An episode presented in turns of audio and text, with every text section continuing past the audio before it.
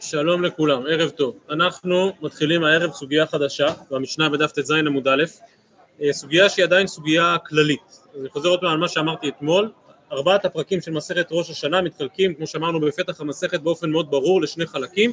שני הפרקים הראשונים עוסקים בהלכות קידוש החודש, שני הפרקים האחרונים עוסקים בענייני ראש השנה. ובכל זאת, למעלה ממחצית המסכת עוסקת בשני, שתי המשניות הראשונות, משנה של ארבעה ראשי שנים, שאותה סיימנו אתמול, וארבעה ראשי שנים, כמו שדיברנו בתחילת המסכת, יש כאן איזשהו ביטוי לריבוי המוקדים, לריבוי העניינים, לעובדה שאין רק ראש השנה אחד, אלא יש כמה אידיאלים וכמה עקרונות שמלווים את חיינו ומלווים את השקפת עולמנו, ולכל אחד מהם יש ראש השנה משלו, ולכן זה לא שיש ראש השנה אחד, אלא יש ארבעה ראשי שנים. המשנה שלנו בדף ט"ז ממשיכה עם אותו עיקרון, אבל הפעם לא מדברת על ארבעה ראשי שנים, אלא מדברת על משהו שהוא אפילו עוד יותר, אה, אני חושב שהוא ייחודי ומסקרן ומעניין, ואני חושב שהדף הזה או העמוד הזה שאנחנו לומדים עכשיו בעיניי אולי יש בו איזשהו פתח ומבוא לכל מסכת ראש השנה בכלל. כי הוא עוסק בנקודה שלעניות דעתי היא נקודה מאוד מאוד משמעותית ועמוקה. אז על מה מדברת המשנה? הזאת? אומרת המשנה דף ט"ז עמוד א' בארבעה פרקים העולם נידון כשאמרתי שיש ארבעה ראשי שנים אז לכל אחד מהם יש איזושהי נפקמינה הלכתית ממעשר בהמה ועד ירקות, משמיטין ויובלות ועד בלטה אחר, לכל אחד מהם יש איזושהי נפקמינה הלכתית. אבל כאן באה המשנה ואומרת, דע לך שיש גם ארבעה פרקים שבהם העולם נידון, שבהם יש דין בשמיים, שבו מוחלט מה יהיה בעולם. מה הם אותם ארבעה פרקים?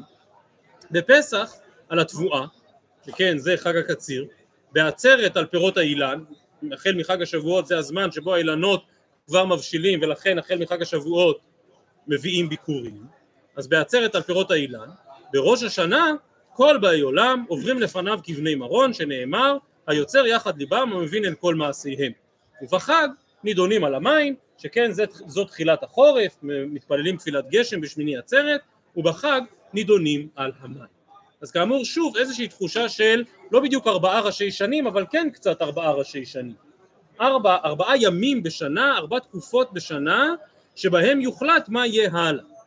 בפסח על התבואה, בשבועות על הפירות, בחג על המים, וכמובן הדין שבראש השנה, שבו כל באי עולם עוברים לפניו כבני מרור. אומרת הגמרא, התחלה רק נברר נקודה טכנית לגבי העובדה שבפסח נידונים על התבואה, כמו שאמרנו, פסח הוא חג הקציר, מה מצב הצבירה של התבואה בפסח?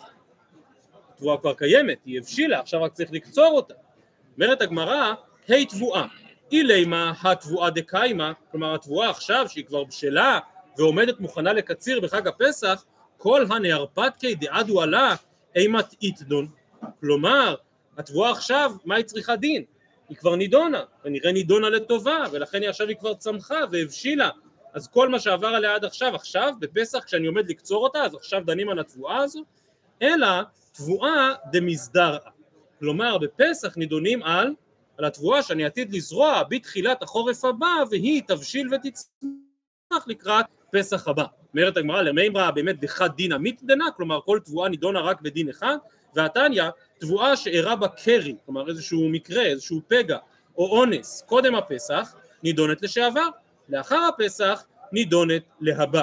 כלומר, באמת אם אירעה איזושהי מחלה בכל התבואה בחודשי סוף החורף, כשהתבואה מתחילה לצמוח, כנראה זה משהו שנידון בשנה שעברה. אם כשהתבואה כבר בשלה עכשיו, אחרי פסח, פתאום קרתה בה איזה מחלה וכולי, כנראה זה נידון בפסח הזה. ואותו דבר גם באדם, אדם שאירע בו קרי אונס קודם יום הכיפורים, נידון לשעבר, כנראה זה הוחלט ביום הכיפורים הקודמים. לאחר יום הכיפורים נידון להבא. כלומר, אתה רואה שהתבואה הזאת נידונה בפסח שעבר על כל התהליך מזריעתה ועד הבשלתה עכשיו, הבשלתה מכאן וה... שלב הזריעה שלה ונידונה הבשלתה. אמר אביי, הילקח כי חזי איניש דמצליח זרע אפלה, כלומר הזריעה המוקדמת שזרעת בתחילת החורף ואתה רואה שהיא צומחת היטב ושיש הרבה יבול, זה אומר ש... שבפסח שעבר כנראה הלך לך טוב. בפסח שעבר נגזר נגזרה תבואתך לטובה שתצליח ולכן אם אתה רואה שהזריעה המוקדמת מצליחה ליקדם וליזרע חרפה כלומר תמשיך ותזרע זריעה מוקדמת עוד לפני פסח הבא, דעד דמטה למדייני, עד שיבואו פעם נוספת, שכן כאמור התבואה נידונה פעם נוספת בפסח הבא, אז עד שתגיע לדין לפסח הבא, שאתה לא יודע איך הוא יהיה, אולי הוא יהיה טוב כמו שנה שעברה, אבל אולי יהיה להפך. ולכן דעד דמטה למדייני, קדים וסל. טוב, אז זה רק ההסבר לגבי הדין על התבואה, וכאמור יש לדון על התבואה עוד קודם זריעתה, וזה כנראה יוחלט בפסח שעבר, ויש לדון בה על המצב שלה עכשיו, וזה הוחלט בפסח הזה. אבל עכשיו שואלת הגמרא, מה אני מתניתי? כמי משנתנו שיש ארבעה פרקים שבהם עולם מאיר, ולא רבי יהודה, ולא רבי יוסי ולא רבי נתן. יש ארבע דעות בין התנאים, אף אחת מארבע הדעות הללו אינה מתאימה למשנתנו, דתני. הכל נידונים בראש השנה, וגזר דין שלהם נחתם ביום הכיפורים, דברי רבי מאיר. אין דין מיוחד לתבואה, ואין דין מיוחד למים. כל מה שקורה בעולם נידון בראש השנה, ונחתם ביום הכיפורים. זה רבי מאיר. רבי יהודה אומר, הכל נידונים בראש השנה, כלומר בראש השנה באמת דנים על הכל, וגזר דין שלהם נחתם כל אחד ואחד בזמנו, בפסח על התבואה, בעצרת על פירות האילן, בחג נידונים על המים, והאדם נידון בראש השנה וגזר דין שלו נחתם ביום הכיפורים. אז דברי רבי יהודה קצת דומים למשנתנו, אבל בכל זאת שונים, כי המשנה שלנו אמרה שבארבעה פרקים העולם נידון, ולפי רבי יהודה בארבעה, העולם נידון בראש השנה, רק החתימה היא כל דבר בזמנו. רבי יוסי אומר, אדם נידון בכל יום, שנאמר, ותפקדנו לבקרים. רבי נתן אומר, נידון בכל שעה, שנאמר בהמשך אותו פסוק באיוב, ולרגעים תבחננו. ואם כן, פה זה ודאי לא דין בארבעה פרקים, אלא זה דין בכל יום ואולי אפילו בכל שעה. אומרת הגמרא, מבין ארבע הדעות הללו, אז רבי מאיר, רבי יוסי, רבי נתן לא קשורים למשנה שלה. רבי יהודה קצת דומה, אבל עדיין כמו שהסברנו, וכי תימא לעולם רבי יהודה היא, מחיקתני מתניתין הגזר דין, כלומר שבאמת כל הדין קורה בראש השנה ורק נחתם כל אחד בזמנו, אז יש לנו בעיה עם מי? עם האדם, כי אמרת שכל באי עולם נידונים בראש השנה, ולפי רבי יהודה הם אכן נידונים בראש השנה, אבל נחתמים ביום הכיפורים, אי הכי קשיא אדם. אמר רבא, משנתנו היא כמו דעה חמישית. אמר רבא, היי תנא דבר רבי ישמעאלי, דתנא דבר רבי ישמעאל, בארבעה פרקים העולם נידון, בפסח על התבואה, בעצרת על פירות האילן, בחג נידונים על המים, והאדם נידון בראש השנה, וגזר דין שלו נחתם ביום הכיפורים. מחיקתני מתניתין, מה שאמרה משנתנו שכולם נידונים בראש השנה, הכוונה לתחילת הדין. יפה, אז אם כן, אכן יש דעות שונות. האם האדם נידון בכל יום, או שאדם נידון בראש השנה, או שבאמת יש דין נפרד בכל אחד מימות השנה. ואם הייתי עוצר את הסוגיה כאן, ושואל אתכם כמי נפסקה הלכה, איזו דעה היא הדעה שאנחנו מכירים?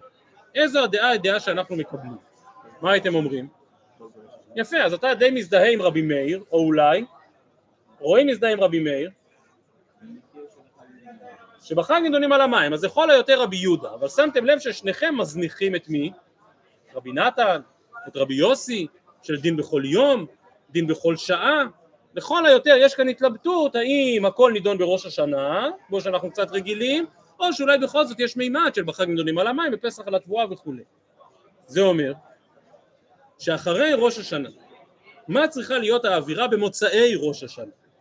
או בוא נדייק יותר במוצאי יום הכיפורים. אנחנו יודעים, כתוב בהלכה, לך אכול בשמחה לחמך, ושתה בלב טוב יעיניך, כבר רצה אלוהים את מעשיך, נכון? זאת התחושה מוצאי ראש השנה. מוצאי יום הכיפורים, הולכים לקנות ארבעת המינים, ושמחים בשמחה שנחתם דיננו לטובה, או מקווים שנחתם דיננו לטובה. ומה צריך לעשות אחר כך? נניח בן אדם באמצע חשוון, או באמצע אדר, או באמצע אייר, פתאום יש איזה קושי, פתאום יש איזושהי מצוקה, יש מה לעשות איתה עכשיו? לא. לא. כי הכל נכבה בראש השנה, ונחתם ביום הכיפורים. כלומר, אתם היה לכם כל כך פשוט שאנחנו הולכים עם רבי מאיר ורבי יהודה, אבל רבי מאיר ורבי יהודה מניחים על שולחננו תפיסה מאוד מאוד קשה ומורכבת. תפיסה שאומרת שאם פספסת את הרכבת, אם איחרת את המועד, אם נחתם משהו ביום הכיפורים, את הנעשה אין להשיב. וזאת בעצם התפיסה שעולה מן המשנה הזאת, ממשנת בארבעה פרקים העולם נידון. וכמו שאמרתי בעיניי יש כאן צוהר לכל מסכת ראש השנה, שלוקחת יום אחד בשנה ומעמיסה את הכל על אותו יום, ומה שייקבע באותו יום ומה שיהיה באותו יום, אותו אין להשיב, וממנו אין לגרוע. ויש יום אחד שלשם הכל מתנקז. פתחתי ואמרתי מקודם שלמשנה הראשונה ארבעה ראשי שנים יש נפקא מינה להלכה מה המשמעות של ראש השנה לאילן, ומה המשמעות של ראש השנה למעשר בהמה, ומה המשמעות של ראש השנה לשנים. אבל מה הנפקמינה של המשנה הזו? אני רוצה לשאול בלשון בוטה, לשם מה חז"ל לימדו אותנו את העניין הזה שבארבעה פרקים העולם נידון? מה זה נוגע אליהם? מה זה רלוונטי? ספציפית זה היום המיוחד שבו מקבלים את הדין, אבל ולכן? כל יום- כל יום ויום, מה כל יום ויום? רגע, רגע, רגע, אז אתה קופץ בברייתא, ברגע שאתה. שנייה, שנייה, אז ברגע שאתה רוצה להגיע לכל יום ויום, אז אתה קופץ בברייתא, לרבי יוסי, לרב, אבל, אבל מקודם חבריך אמרו, מה פתאום? אנחנו רבי מאיר, אנחנו רבי יהודה. ואם באמת כך, אז למה חז"ל צריכים היו ללמד אותנו? מה זה נוגע אלינו? מה הנפקא מינה? שבארבעה פרקים העולם ידוע. אפשר להגיד נפקא מינה גדולה ועצומה, בראש השנה תקרא את השמיים. בסוכות תעשה את כל הכוונות, אנשים חקלאים, היום הכי נורא הוד בשנה זה תפילת גשם של שמיני עצרת, שבחג נידונים על המים. תעשה את כל מאמציך, את כל כוח כוונתך, את כל כוח תפילותיך, תשקיע ביום הזה. אבל אני שואל כמו ששאלתי מקודם, אז מה תעשה למחרת? מה תעשה למחרת שמחת תורה? זהו. אז יותר אין מה להתפלל על גשם, ואין מה להתפלל על שנה טובה, כי זהו, כי הכל נחתם, הכל נקבע. לכל היותר מיום הכיפורים הגענו לגות קוויטל של, של הושענא רבה, וזהו. אז זה מה שהמשנה רוצה לומר. שיש ארבעה פרקים שבהם אתה צריך למצות את כל כוח כוונתך, וברגע שהארבעה פרקים הללו עברו, תם ונשלם, ואין יותר מה לעשות. בואו נראה את השורה הבאה. שואלת הגמרא,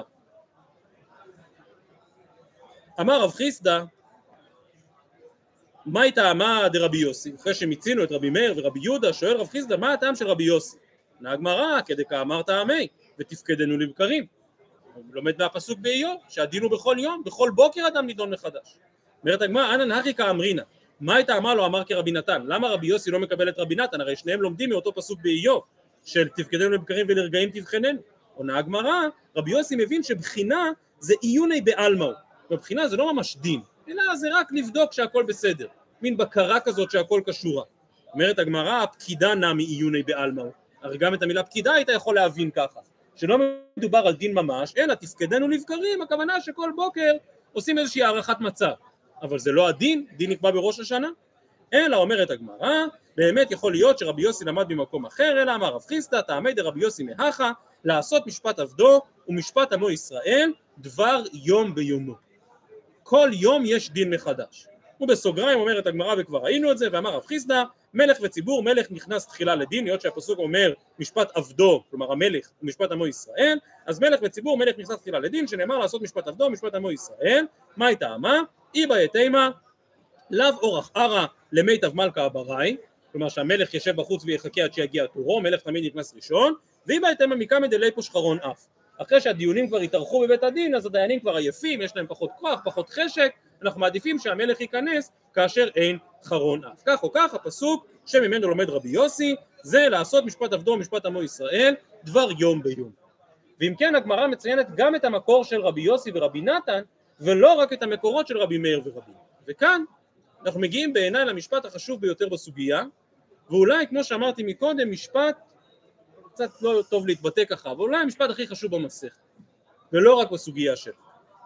אמר רב יוסף, אם באמת, כמו שנאמר כאן מקודם, אנחנו בתפיסת רבי מאיר ורבי יהודה, בתפיסת ראש השנה, שזה שם המסכת, שיש יום אחד שאליו הכל מתרכז, יש יום אחד שהוא היום המכריע, ואחריו את הנעשה אין להשיב. אומר רב יוסף, אם ככה יש לי שאלה גדולה. אמר רב יוסף, כמן מצלינא נעידנא, הקצירי והמרעי. קצירי, חולים, מרעי, תשושים, מסכנים. אומר רב יוסף, תגיד, אם הכל נקבע בראש השנה, אז בשביל מה אנחנו מתפללים? על מה אנחנו מתפללים? הרי הכל חתום וגמור וסגור, אי אפשר לשנות אותו, הוא כבר נקבע בראש השנה. אז מישהו מוכן להסביר לי מה פתאום אתה נכנס לחולה ועושה פה, אומר פה תהילים ועושה לו משברך? הרי אם נקבע שהוא חולה, ולא עלינו שאפילו יותר מחולה, אז זהו, אז זה כבר נחתם בראש השנה. ואם הוא נחתם לשנת חיים ושלום, אז מה צריך את התפילות שלך, הוא בכל מקרה יצא מזה. אז מה פתאום מתפללים? כמן, אומר רב יוסף, כרבי יוסי. כלומר, הנה חינמי.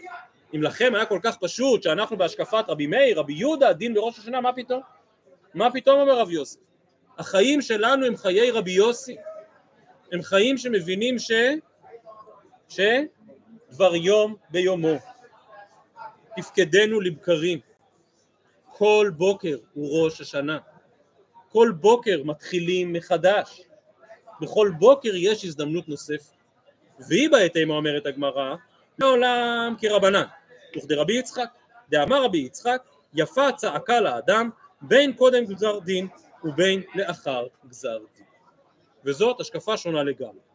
השקפה שאומר רבי יוסף, שכולנו חיים בה, שכולנו פועלים בה, השקפת רבי יוסי, שבאמת אני לא מוכן לקבל את זה שיש ארבעה פרקים. אני לא מוכן לקבל את זה שהעולם נידון ביום אחד ויש איזשהו ראש השנה ואפילו שיהיה יותר מראש השנה אחד אבל שיהיה איזשהו ראש השנה וזהו ואחריו הכל חתום וגמור וסגור ואי אפשר לשנות אותו אז שתי אפשרויות.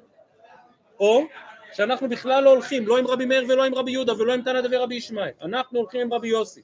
וכמו שאמרתי מקודם כל יום הוא ראש השנה מחדש. זו אפשרות אחת. ואפשרות שנייה שגם אם באמת בארבעה פרקים העולם נידון וגם אם גזר הדין נחתם אי שם ביום הכיפורים או בהושענא רבה או בחג שנדונים על המים. עדיין יפה צעקה על האדם גם אחרי גזר ואלה שתי תפיסות שבעיניי שתיהן חשובות מאין כמותן. והסוגיה הזאת אני מודה שהיא סוגיה קרובה לליבי ואני לא חושב שעל הרבה דברים אני יכול להגיד את זה שבאמת אני, אני זוכר ממש בתור ילד קטן היה פה איזה חוג לתהילים ובשבת חול המועד סוכות התכנסו הילדים ו, ופתאום התעוררה שם השאלה הזאת אז תגידו מה אנחנו עושים עכשיו בסוכות? הרי הכל כבר הוחלט בראש השנה ביום כיפור. אז מה המשמעות של בשביל מה אנחנו פה? יש בכלל עוד על מה להתפלל יש עוד על מה לבקש? יש איזושהי משמעות לפנייה לקדוש ברוך הוא גם אחר כך? והגמרא מכריחה שכן שכן או בגלל שאנחנו באמת הולכים עם תפיסת רבי יוסי של בכל יום ויום, או בגלל שיש משמעות לצעקה גם אחרי גזר הדין. ובאמת התוספות כאן מרחיבים בנקודה הזאת, התוספות כאן לפנינו, ושואלים התוספות, ואם תאמר לרבנן, בסדר, נניח שאתה לא הולך עם רבי יוסי, אתה הולך עם תפיסת החכמים, שהכל נקבע בראש השנה, מלא מצלינן רפאנו וברכת השנים? האם תפילת שמונה עשרה שנויה במחלוקת רבי מאיר ורבי יוסי? כן? לפי רבי יוסי שיש דין בכל יום, אז אני מבין למה אתה קם כל בוקר ואומר רפאנו השם, ומתפלל ברך עלינו. אבל לפי רבי מאיר על מה אתה מתפלל? הכל כבר סגור. אומרים תוספות, אתה מעלה דבר כזה על דעתך? בסידור התפילה של רבי מאיר לא היו תפילות? לא מבקשים. כל התפילות שאתה מתפלל מי"א תשרי הם הכל הכנה לקראת ראש השנה הבא. אני שואל, זאת הייתה כוונתך בתפילה? על זה חשבת? אף פעם, אתה, אתה אומר בעצמך שאף פעם לא. אומרים תוספות שתי תשובות. תשובה אחת, ואומר רבנו תם, הדברים מופיעים גם לפניכם בדף ששלחתי מקודם, ואומר רבנו תם, דשלא יחלה ודאי לא מצלינן אלא לרבי יוסי, אבל שיתרפא מצלינן אליבא דכולי עלמא. אני חושב שזה כל כך דחוק, כל כך קשה לומר את זה. שגם לפי רבי מאיר, רבי יהודה, שהכל נקבע בראש השנה, מה הוחלט בראש השנה? שפלוני יהיה חולה. לא הוחלט מתי פלוני יבריא מן החולי. אז זה אנחנו מתפללים עכשיו שיהיה בריא. נו באמת. אז מה המשמעות של הדין בראש השנה? זה רק דין לרעה בראש השנה, רק אומר כמה יהיו חולים ולא אומר כמה יהיו בריאים, ואם הוא יחיה מחוליו או לא יחיה מחוליו. אבל זו התפילה, זו התשובה הראשונה של רבי תשובה שנייה אומרים תוספות, ועוד יש לומר, דתפילה דרבים שנה דגזר דינם נקרא. כלומר, יפה צעקה לאדם גם אחרי גזר דין. ולמה יפה צעקה לאדם גם אחרי גזר דין? כי גם את גזר הדין אפשר לשנות. כי זה שאנחנו, יש לנו בשנה עשרת ימי תשובה מראש השנה ועד יום הכיפורים, זה נכון שאלה ימים שמיועדים לתשובה, זה נכון שאלה ימים שדרשו השם ממצוא קרוב בהיותו קרוב, אבל חזרה בתשובה נמצאת תמיד. ולב נשבר, והמתקת הדינים, וקריאת רוע גזר הדין יכולה להיות בכל יום ויום בשנה, כך מסבירים התוספות. ובאמת, הריטב"א מדגיש את הנקודה הזאת, והריטב"א בסוגיה שלנו אומר, והסיגנא דאפילו תימא כרבנן, יפה צעקה לאחר גזר דין, אומר הריטב"א, והי אוקימתא עיקר, ואחי סוגיין בכל דוכתא דתלמודא, ואף על גב דלית הלכתה כרבי יוסי, אחא מנהגא דעלמא. כלומר, אומר הריטב"א, יש רק שתי דרכים להימלט מה... דטרמיניזם הזה שהגמרא קובעת, שהכל נקבע בתאריך אחד ואחר כך אי אפשר לשנות אותו. אז דרך אחת להימלט זה רבי יוסי, אבל אומר ריטווה אין הלכה כרבי יוסי. ובכל זאת מנהגא דעלמא שוודאי שמתפללים. וודאי שמאמינים שאפשר לשנות. וודאי שמאמינים שאפשר לתקן. וגם הריטווה, גם המאירי כאן כותב, ואף על פי שאמרו בראש השנה בני אדם נידונים ומושגחים כפי מעשיהם, לעולם יהיו עיניו של אדם נשואות בתשובה בכל יום. הרי אמרו, אדם נידון בכל יום, מסיים המאירי ואומר, והכל אמת למבינים. אז אני לא יודע אם זכינו להגיע למדרגת המבינים, אבל אומר המאירי, שוודאי שאדם צריך להתפלל תמיד, ואי אפשר לחיות בתפיסה שמה שקרה כבר אי אפשר לשנות אותו.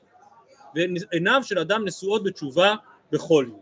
ולאל שם במאיר אני חושב שיש גם כן הגדרה מאוד מאוד יסודית קשורה לשאלה שביקשתי לשאול כאן מקודם לשם מה חז"ל לימדו אותנו את כל הדבר הזה? מה העניין יש לנו בזה שבארבעה פרקים העולם נידון? אז המאירי באמת מסביר שכוונת המשנה לבאר שזמן זה רוצה לומר ראש השנה הוא מיוחד להעיר בני אדם בו לתשובה. הסוגיה הזאת היא סוגיה של מוסר, הסוגיה הזאת היא סוגיה של התעוררות, היא באה להגיד לאדם בידיך הדבר. וכמו שאמר המאירי בידיך הדבר לא רק בראש השנה אלא בידיך הדבר כי יהיו עיניו של אדם נשואות בתשובה כל יום. ועל דרך הדרש אני מבקש להוסיף ולומר אומר המאירי להעיר בני האדם להעיר בני אדם אוטומטית מזכיר לנו את מה? מה מאיר את בני האדם? לא השעון מעורר, מה מאיר את בני האדם? יפה מאוד השופר שנדבר עליו מיד.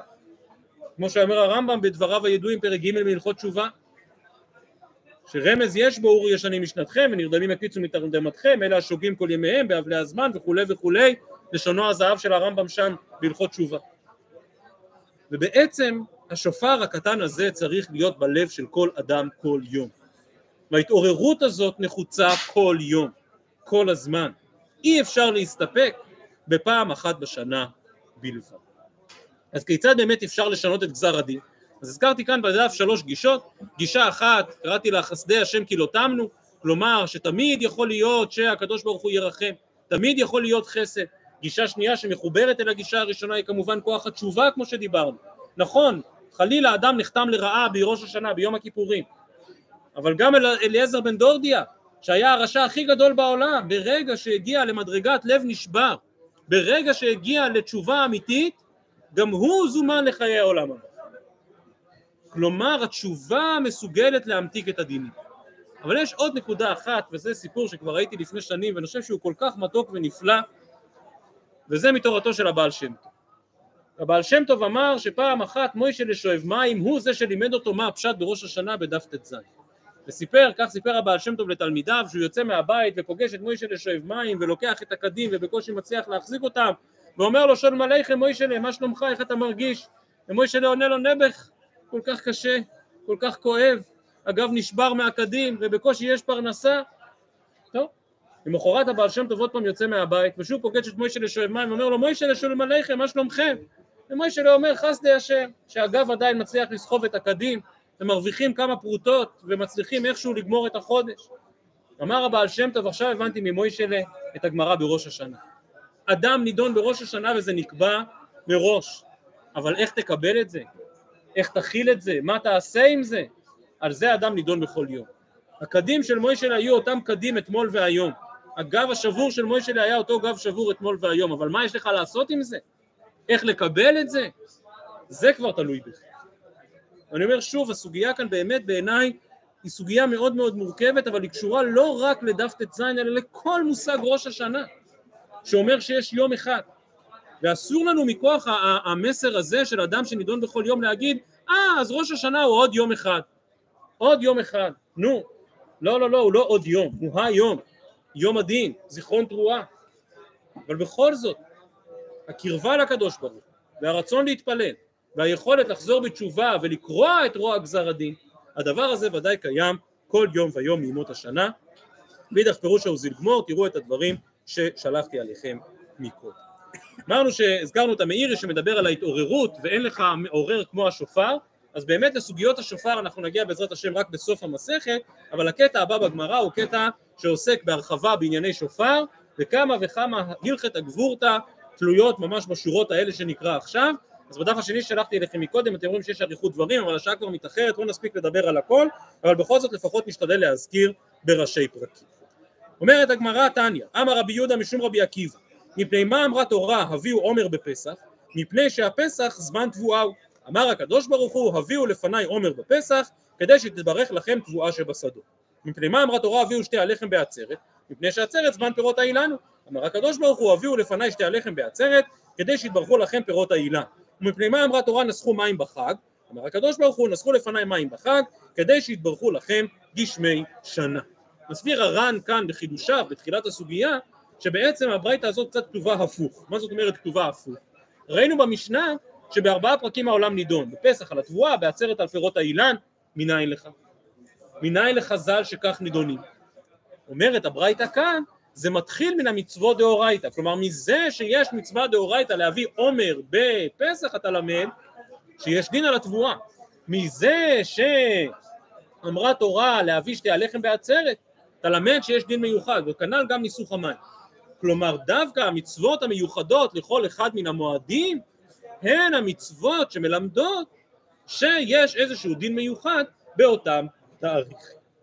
ואם כן, היו לנו ארבעה פרקים שבהם העולם נידון, ובכוונה עצרתי אחרי שלושה. מה הצד השווה לשלושת הפרקים שקראנו עד עכשיו? שמדובר על מצוות מדאורייתא.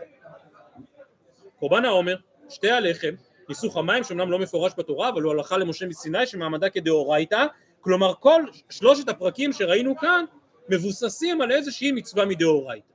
ומה קורה בראש השנה? בראש השנה אמרה משנתנו שכל באי העולם עוברים לפניו כבני מרון, וזאת מניין?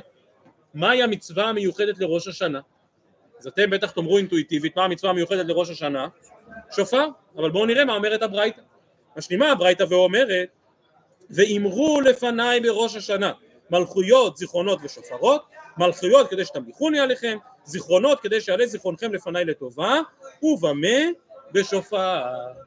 כלומר, מהי המצווה המיוחדת לראש השנה? לא, אני לא אומר לא תקיעת שופר, אלא לא רק תקיעת שופר, אלא גם מלכויות, זיכרונות ושופרות. ומי שקורא את הברייתא הזאת ברצף, לא יכול שלא להגיע למסקנה ש... שמלכויות, זיכרונות ושופרות הם מדאורייתא. בדיוק כמו ניסוך המים, בדיוק כמו שתי הלחם, בדיוק כמו קורבן העומר, כך גם אמרו לפניי מלכויות, זיכרונות ושופרות, הופכים להיות דאורייתא. עכשיו יש כאן שתי הוכחות בברייתא, הוכחה אחת מן ההקשר כמו שאמרנו, כי כל שלושת האחרים הם מדאורייתא, והוכחה שנייה שמה ניסוח הברייתא? אמרו לפניי בראש השנה, מי אומר את זה אמרו לפניי? הקדוש ברוך הוא, אז דבר שהקדוש ברוך הוא אומר כנראה, כנראה הוא דין דאורייתא, אם הוא אמר אמרו לפניי מלכויות, זיכרונות ושופרות. אז אני עובר לדף ששלחתי אליכם מקודם, ובאמת זו הסוגיה הראשונה שכאן לפנינו, האם באמת מלכויות, זיכרונות ושופרות מעמדם כדאורייתא או דרבנן, רש"י בפרשת אמור באמת אומר זיכרון תרועה, כוונתו זיכרון פסוקי זיכרונות ופסוקי שופרות. כלומר רש"י אכן מביא את מדרש חז"ל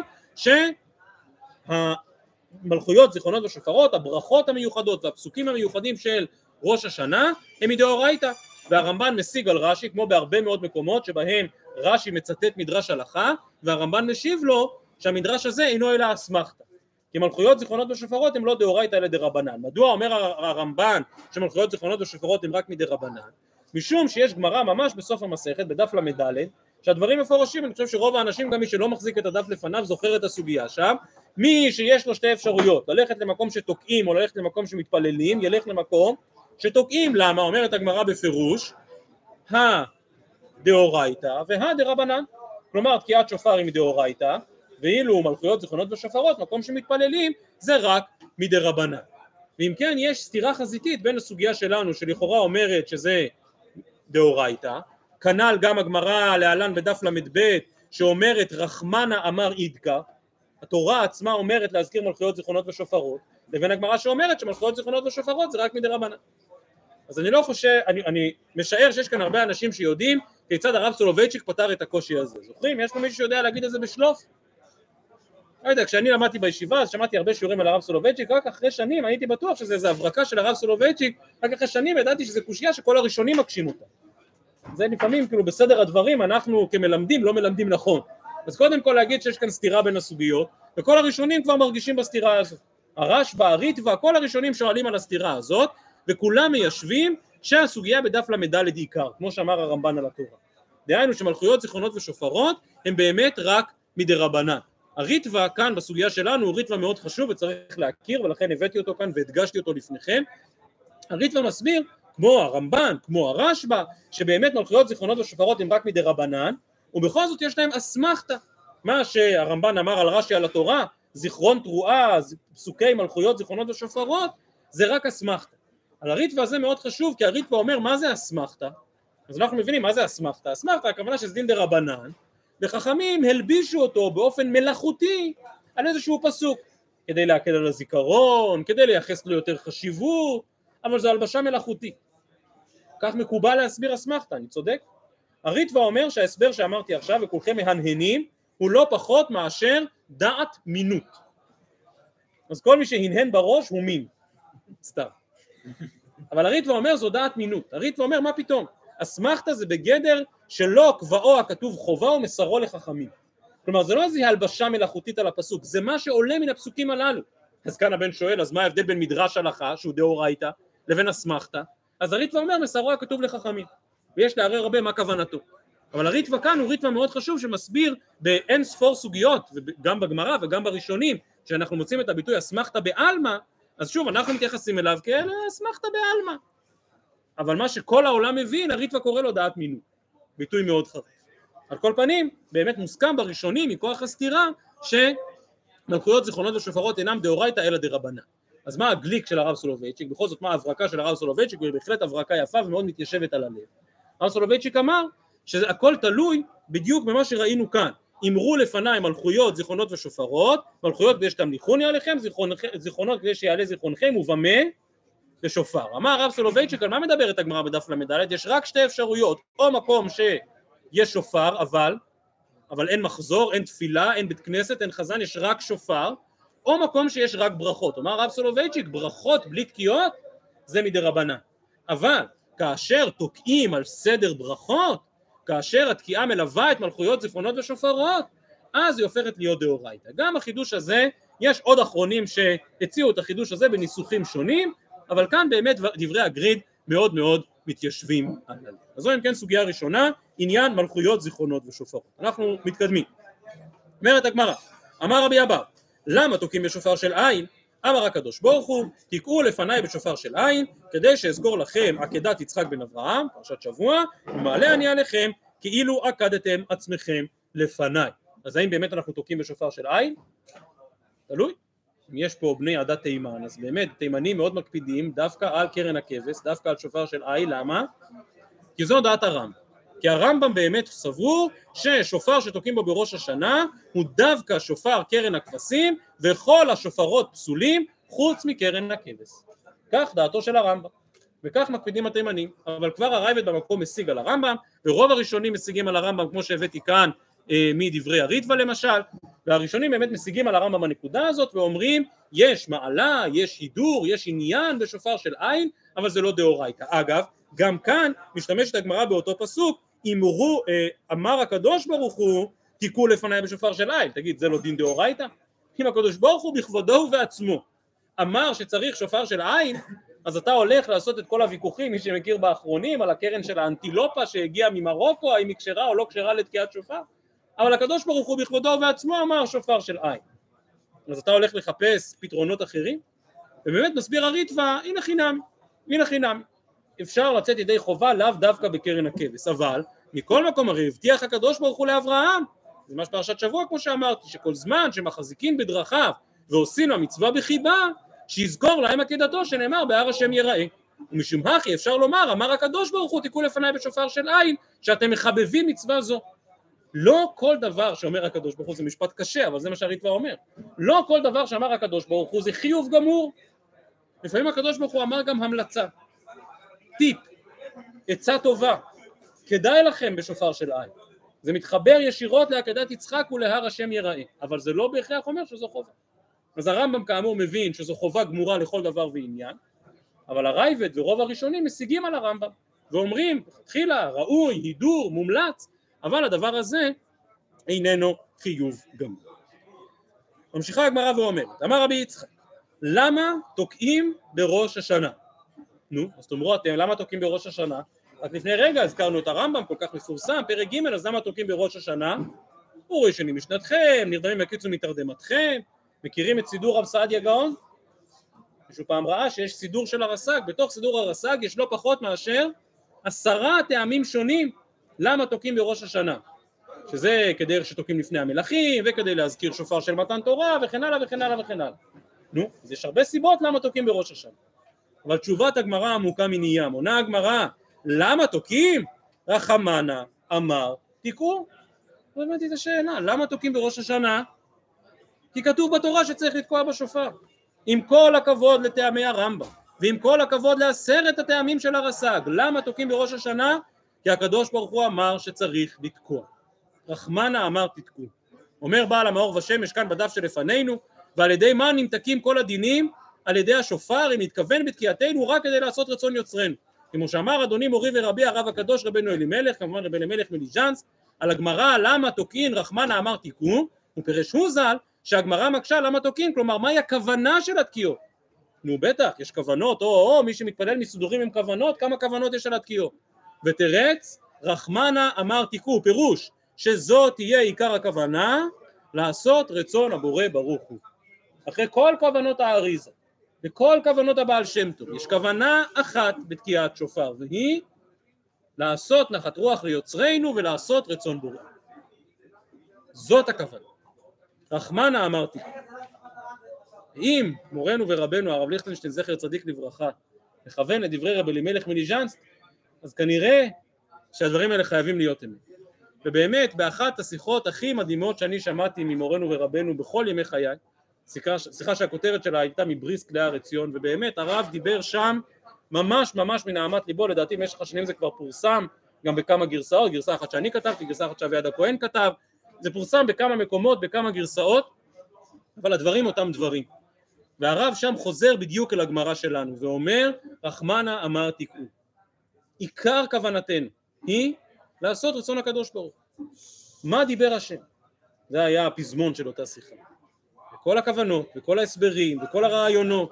ובסופו של דבר הרצון הוא לעשות רצון הקדוש ברוך הוא. זו הכוונה הגדולה מכולם וזו האמירה כאן שרחמנה אמר תיקו ובכן למה תוקעים בראש השנה? למה תוקעים? רחמנה אמר תיקו אלא למה מרעים כלומר למה תוקעים גם תקיעה וגם תרועה? מרעים רחמנה אמר זיכרון תרועה וזה עוד נגיע בהמשך המסכת לשאלה אז למה בדיוק התקיעות הן כפי שאנחנו מכירים אותן גם תקיעה וגם שברים וגם תרועה אבל זה מה שכתוב בתורה. אלא אומרת הגמרא למה תוקעין ומריעין כשהן יושבים ותוקעין ומריעין כשהן לומדים? כדי לערבב השטן. וגם כאן רק על המשפט הזה היה אפשר לתת באמת אני לא מגזים שני שיעורים כלליים שונים. אחד שהכותרת שלו תהיה תקיעות דמאומד ותקיעות דמיושב שזו סוגיה גדולה בפני עצמה אז באמת למה אנחנו תוקעים גם תקיעות דמאומד וגם תקיעות דמיושב ומה זה בכלל תקיעות דמאומד ותקיעות דמיושב אז כולנו יודעים מה זה תקיעות דמיושב התקיעות שתוקעים לפני חזרת השץ מה זה תקיעות דמאומד תקיעות שתוקעים בחזרת השץ למה לאלה קוראים מיושב ולאלה קוראים מאומד? אז עוד פעם יעזרו לנו אחינו בני עדות המזרח. יושבים בתקיעות. זה לא תקיעות בתפילת עמידה כולם יושבים והתוקע תוקע. אבל אחר כך תוקעים גם תקיעות דמאומד הכוונה במהלך תפילת העמידה. כך פירושם של רוב הראשונים למעט הברקה מאוד מיוחדת של בעל המאור שאותה דווקא הבאתי כאן ראשונה ואומר בעל המאור סליחה שאני אומר קצת בציניות אבל אומר בעל המאור בן אדם עומד בבית הכנסת רק במקרה אחד מתי בן אדם עומד בבית הכנסת? מה שאתם תעשו לי תכף כשהוא כבר רוצה ללכת כשהוא כבר רוצה לצאת ולכן אומר בעל המאור תקיעות דמיושב הכוונה התקיעות של חזרת השץ תקיעות דמאומד מה זה? זה התקיעות שתוקעים בסוף התפילה התקיעה גדולה או התרועה גדולה תלוי במנהגים השונים שתוקעים בסוף התפילה אלה תקיעות דמאומד כלומר שכבר כולם יוצאים החוצה. אז לפי בעל המאור מה זה התקיעות הראשונות שאנחנו תוקעים אחרי קריאת התורה עוד לפני תפילת העמידה? אומר בעל המאור לא לא לא זה משהו אחר לגמרי זה איזה תקנה מאוחרת שנולדה כי אנשים לא יכלו להחזיק מעמד בבית הכנסת כל כך הרבה זמן והיו אנשים שיכלו לבוא לבית הכנסת לזמן מאוד מצומצם כמו שקורה עד עצם היום הזה נשים שמטופלות בילדים קטנים או מסיבות אחרות אדם לא יכול לבוא לכל התפילה אז הוא מגיע ושומע שלושים קולות אחרי אה, קריאת התורה ויוצא החוצה אבל אומר בעל המאור זה משהו אחר לגמרי טוב אז זה רק החידוש המעניין של בעל המאור שווה להכיר אבל רוב הראשונים מסבירים כמו שהבאתי כאן באריכות מן המקורות כמו שבעל המאור בעצמו מתאר תקיעות דמיושב הכוונה התקיעות שלפני תפילת העמידה תקיעות דמעומד הכוונה התקיעות שהן על סדר ברכות. השאלה הנשאלת מאליה היא מה עיקר ומה טפל? מה התקיעות העיקריות? וכאן די מוסכם בין הראשונים, כמו שהבאתי מן התוספות בפסחים, כמו שהבאתי מן הריטב"א, ש... סליחה, כמו שהבאתי בעיקר מן התוספות בפסחים, שברור שהתקיעות העיקריות הן התקיעות שבחזרת השץ, תקיעות דמעומד, התקיעות שעל סדר ברכות, חוזר לוורד שהזכרנו מקודם, שאלה תקיעות שהן דאורייתא על סדר ברכות. בכל זאת יש מן הראשונים שקצת משמע מהם שדווקא התקיעות הראשונות הן התקיעות העיקריות, וזה שתוקעים אחר כך על סדר ברכות זה רק כדי שיעלה זיכרוננו לטובה, רק כדי שהמלכויות זיכרונות ושופרות יעלו לרצון, אז מלווים אותם גם בתקיעות. הדבר הזה הוא מחלוקת בין הראשונים, וציינתי כאן לקטע קצר משיעור של רב אושר וייס על תקיעות דמיומד ודמיושב, שוב אחד מיני רבים, זה נושא מאוד חביב אה, על, ה, על הלומדים והלמדנים בימים שלפני ראש השנה, מדבר על היחס בין תקיעות דמיומד לבין תקיעות דמיושב. אגב הזכרתי כאן עוד שתי סוגיות גדולות אבל באמת השעה מתאחרת אז משתדל לקצר אבל יש כל כך הרבה מה להגיד. אה, אז סוגיה אחת היא שאלת הברכות. הרקע לאותו תוספות בפסחים שהזכרתי זה השאלה אם באמת התקיעות העיקריות הן תקיעות דמעומד אז איך אנחנו מברכים לשמוע קול שופר על התקיעות דמיושב הרי אלה לא תקיעות עיקריות. הן תקיעות שבאו רק לערבב השטן או לפי בעל המאור אלה תקיעות שרק באו עבור אלה שממש ממש נחפזים ללכת ולא יכולים להתעכב בבית הכנסת. אז איך אתה מברך לשמוע קול שופר על התקיעות הראשונות? ואומרים תוספות הנה חינם.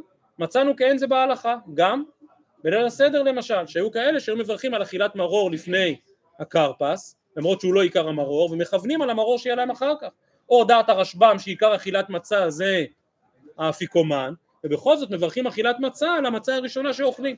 גם כאן מברכים לשמוע קול שופר על משהו שהוא חלק מן המצווה אבל לא עיקר המצווה ולעיקר המצווה נגיע רק בהמשך. אז זו נקודה אחת לגבי הברכות. ונקודה מרתקת נוספת חוזרת לאותו חידוש של בעל המאור אבל זה חידוש שעוד ראשונים מסכימים לו שבאמת יכול להיות שאנחנו מברכים לשמוע קול שופר על התקולות הראשונים דווקא בגלל שהם לא העיקר אבל התקיעות עצמן על סדר ברכות אינן זקוקות לברכת המצוות מה זאת אומרת? כל מצווה צריך ברכת המצוות לא אומר בעל המאור יכול להיות שעל התקיעות שעל סדר ברכות לא צריך לברך ברכת המצווה מדוע? משום שמברכים את הברכות עצמה כמו מה? יפה מאוד וזה מפורש כאן בראשונים אם תראה הבאתי את זה כאן ממש בפירוש אה, מדברי בעל המאור עצמו שנותן את הדוגמה של ברכות קריאת שמע כלומר גם בברכות קריאת שמע שואלים כל הראשונים למה לא מברכים? אשר קדשנו מצווה וציוונו לקרוא שמע אז אומרים שמע ישראל. אז לדעת הרבה ראשונים מהי ברכת המצוות של קריאת שמע? ברכות קריאת שמע ולכן יש כאלה שנוהגים לא להפסיק בעניית אמן בין הבוחר במו ישראל באהבה לבין שמע ישראל וכולי וכולי ואולי יש כאן את אותו מודל. אז אם כן יש כאן שני נידונים לגבי הברכות. א' אם תבין שעיקר הברכה זה לשמוע קול שופר איך אתה יכול לברך לפני התקיעות הלא עיקריות? והתשובה מצאנו כאין זה שמברכים לפני תחילת המצווה גם אם החלק העיקרי שלה יבוא בהמשך. ונקודה שנייה שאולי בעצם תקיעות דמעומד לא זקוקות לברכת המצווה כי ברכותיהם הם מלכויות זיכרונות ושופרות. זו הברכה כמו שמצאנו בקריאת שמע. ועוד נידון אחד זה התוספות כאן ששואלים אז באמת איך חכמים יכולים היו להוסיף על התקיעות? הרי יש כאן בעיה של בלטויסיף. והתוספות מיישבים מה פתאום אין כאן בלטויסיף כי כשעושים מצווה פעמיים זה לא בלטוסיף. כך מחדשים התוספות בעצם קיימתי מצוות שופר עשרה קולות שלושים קולות איך שלא נגדיר את זה ואחר כך קיימתי את אותה מצווה עוד הפעם. תוספות ממשילים את זה לכהן שבירך ברכת כהנים ואחר כך הוא מגיע לעוד מניין ומברך ברכת כהנים עוד פעם. אז זה בלטויסיף זה לא בלטויסי, בלטויסי שלקחת את אותה מצווה ועשית אותה יותר גדולה, חמש תותפות בתפילין, אבל כשלקחת מצווה ופשוט עשית אותה פעמיים במקום פעם אחת, הדבר הזה איננו בלטויסיף, ככה תוספות, אבל יש דעות נוספות בין הראשונים. נו, אז סוף כל סוף למה תוקעים פעמיים כשהם יושבים וכשהם עומדים? אז התשובה של הגמרא היא כמובן כדי לערבב השטן. ומה העניין לערבב השטן? אז רש"י כאן, וזה רש"י מאוד מאוד חשוב, צריך להכיר, אומר רש"י מה מערבב את השטן? כשישמע שישראל מחבבים את המצוות, נסתמים דבריו. חיבוב המצוות, הדרך היחידה להכריע את השטן, חוזר לדברים שפתחנו בהם הערב, זה אך ורק כאשר אנחנו מחבבים את המצוות, וזה מה שהשטן רואה. ברגע שאנחנו תוקעים פעם אחת, אז הוא אומר, הם לא מחבבים את המצוות, הם עושים את זה לתת ידי חובה. ברגע שאנחנו תוקעים גם תקיעות דמיושב וגם תקיעות דמעומד, מבין השטן שהם באמת מחבבים את המצוות ועושים את זה לא רק כדי לצאת ידי חובה, אבל יש גם פירושים נוספים, התוספות אומרים שזה לערבב את השטן כי השטן כל חייו יודע שהקריירה שלו נגמרת כאשר והיה ביום ההוא ייתקע בשופר גדול ובאו עובדים בארץ אשור ולכן אם הוא שומע קול אחד הוא אומר אה זה, זה מישהו פה עושה חגיגה ברגע שהוא שומע עוד תקיעה ועוד תרועה ועוד תקיעה ועוד תרועה הוא אומר הגיע העת של שופר גדול והגיע הזמן להיפרד, וכמובן הרשב"א שמביא יש מפרשים שלערבב את השטן פירושו להכניע את היצר הרע, וזה חוזר למה שדיברנו מקודם, שבעצם התפקיד של ריבוי התקיעות זה לעורר אותנו הישנים מתרדמתנו, וזאת הדרך בעצם לערבב את השטן. אני חוזר לגמרא, ט"ז עמוד ב' למעלה, ואמר רבי יצחק, כל שנה שאין תוקעים לה בתחילתה, מרעין לה בסופה. מה היא טעמה? דלא יערבב השטן.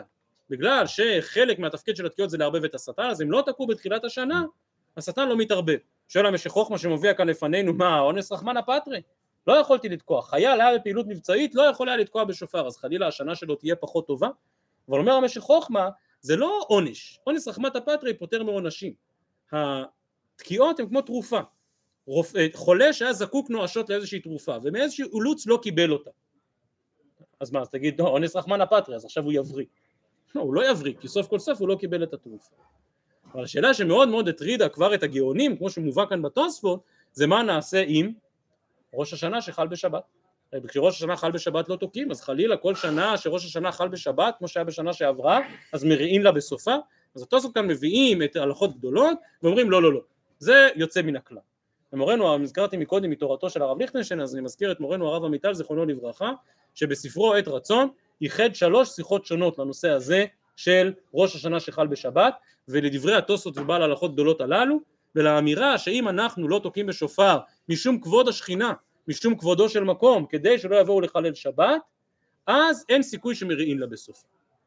או, ניסוח יותר קיצוני, אנחנו מוכנים לקחת על עצמנו את הסיכון, ובלבד שלא יתחלל כבוד שמיים, ובלבד שלא תתחלל השבת, ולכן העניין הזה של מריעים לה בסופה אינו קשור לראש השנה שחל בשבת. ממש ממש בזריזות נסיים עוד קטע אחד ובזה נעצור. כמו שאמרתי, היו לנו כאן, זה לא לקח לנו הרבה זמן, אבל זה ממש שורות ספורות שמדברות על ענייני שופר, אבל כמו שראינו, אכן יש כאן עקרונות גדולים וחשובים. ואמר רבי יצחק, כל שנה שרש"א בתחילתה, אומר רש"י, שישראל עושים עצמם ראשים בראש השנה לדבר תחנונים ותפילה.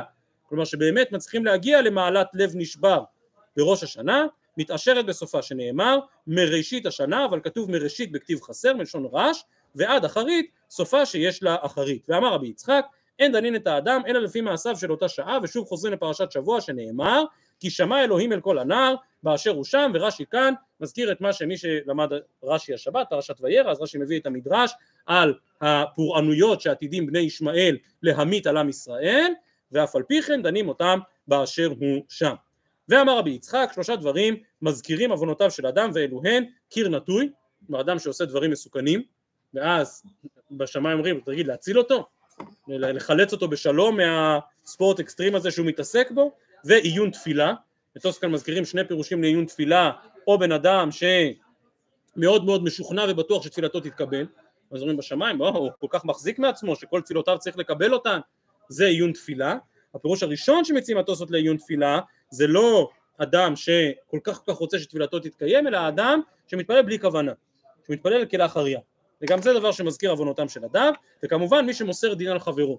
מי שאומר פלוני לא בסדר פלוני לא בסדר ואז אומרים בשמיים רגע רגע רגע אם אתה כל כך חושב שהוא לא בסדר בוא רגע נבדוק האם אתה בסדר ואמר רבי אבין ויש גורסים דאמר רבי חנן כל המוסר דין על חברו הוא נענש תחילה שנאמר ותאמר שרה אל אברהם חמסי עליך וכתיב שוב פרשת שבוע הפעם פרשת חיי שרה ויבוא אברהם לספוד לשרה ולבכותה ממש קשה לומר את זה אבל כאילו כביכול שרה נענשה על זה שאמרה לאברהם חמסי עליך נסתלקה שרה לבית עולמה עוד לפני אברהם.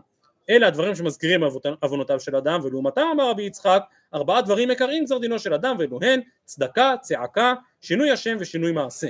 צדקה דכתיב וצדקה תציל ממוות צעקה דכתיב ויצעקו אל השם בצר להם ומצוקותיהם יוציאם. שינוי השם דכתיב שרה אשתך לא תקרא את שמה שרה כי שרה שמה וכתיב. וברכתי אותה וגם נתתי ממנה לך בן. שינוי מעשה כלומר חזרה בתשובה לשנות את המעשים דכתיב אה, שינוי מעשה, דכתיב וירא אלוהים את מעשיהם, ספר יונה כמובן, וכתיב וינחם האלוהים על הרע אשר דיבר לעשות להם ולא עשה. ויש אומרים אף שינוי מקום, דכתיב ויאמר השם אל אברהם לך לך מארצך ורק אחר כך אעשה אותך לגוי גדול. ואידך, כלומר הדעה הראשונה שלא מנתה שינוי מקום, ההוא זכותא דארץ ישראל ודאהניה ליה. כלומר לא כל שינוי מקום יביא לך ברכה, אבל לעלות לארץ ישראל זו ודאי ברכה גדולה. היות שהזכרנו סדרה של דרשות של רבי יצחק שקשורות לענייני הדין התחלנו משנה שרש"א בתחילתה והמשכנו בדברים שמזכירים עוונותם של אדם או מקרים גזר דינו של אדם, מביאה הגמרא עוד שתי דרשות בכלל בכלל לא קשורות של רבי יצחק, רק היות שאלה דרשות לשמו. אמר רבי יצחק חייב אדם להגביל פני רבו ברגל שנאמר מדוע את הולכת אליו היום לא חודש ולא שבת? ושוב חזרנו. פרשת שבוע להפטרת השבת. מדוע את הולכת אליו היום לא חודש ולא שבת? בכלל זה בחודש ושבת היא באה אלה למייזה. אמר רבי יצחק חייב אדם לתאר את עצמו ברגל שנאמר ובנינתם לא תיגעו. תניא נמי הכו ובנינתם לא תיגעו. יכול להיות ישראל מוזרים על מגע נבלה שאסור לאדם להיטמע. תלמוד לומר אמור אל הכהנים בני אהרון בני אהרון מוזרים בני ישראל אינם מוזרים ולא דברים קל וחומר ומה טומאה חמורה רק כהנים מוזרים עליה אבל ישראל אינם מוזרים. אז טומאה קלה של נבלה וכל שכן אלא מה תלמוד לומר ובנבלתם לא תיגעו שמשמע שמדובר על הלכה, הנחיה כללית שאסור להיטמע סתם בטומאת שרץ או נבלה הכוונה דווקא ברגל. אז לא נדבר עכשיו בכלל לא על הטהרה ברגל ולא על הקבלת פני רבו ברגל ואני חושב שגם דיברנו כבר על הנקודות האלה לאחרונה ולכן לא נחזור אליהם עכשיו. מחר בעזרת השם נעבור אל החלק הבא בסוגיה וכאן אנחנו מדברים על ראינו במשנה ארבעה פרקים שבהם העולם נידון הדין מתחיל בראש השנה אבל נחתם ביום הכיפורים. אז על הנושא הזה של הכתיבה בראש השנה יכתבון וביום צום כיפור יחתמון, זו בעזרת השם סוגייתנו למחר. יש מחר שיעור של הרב קיי? כן. אוקיי, אז מחר בנוהל יום שלישי לומדים מיד אחרי ערבית. לילה טוב לכולם.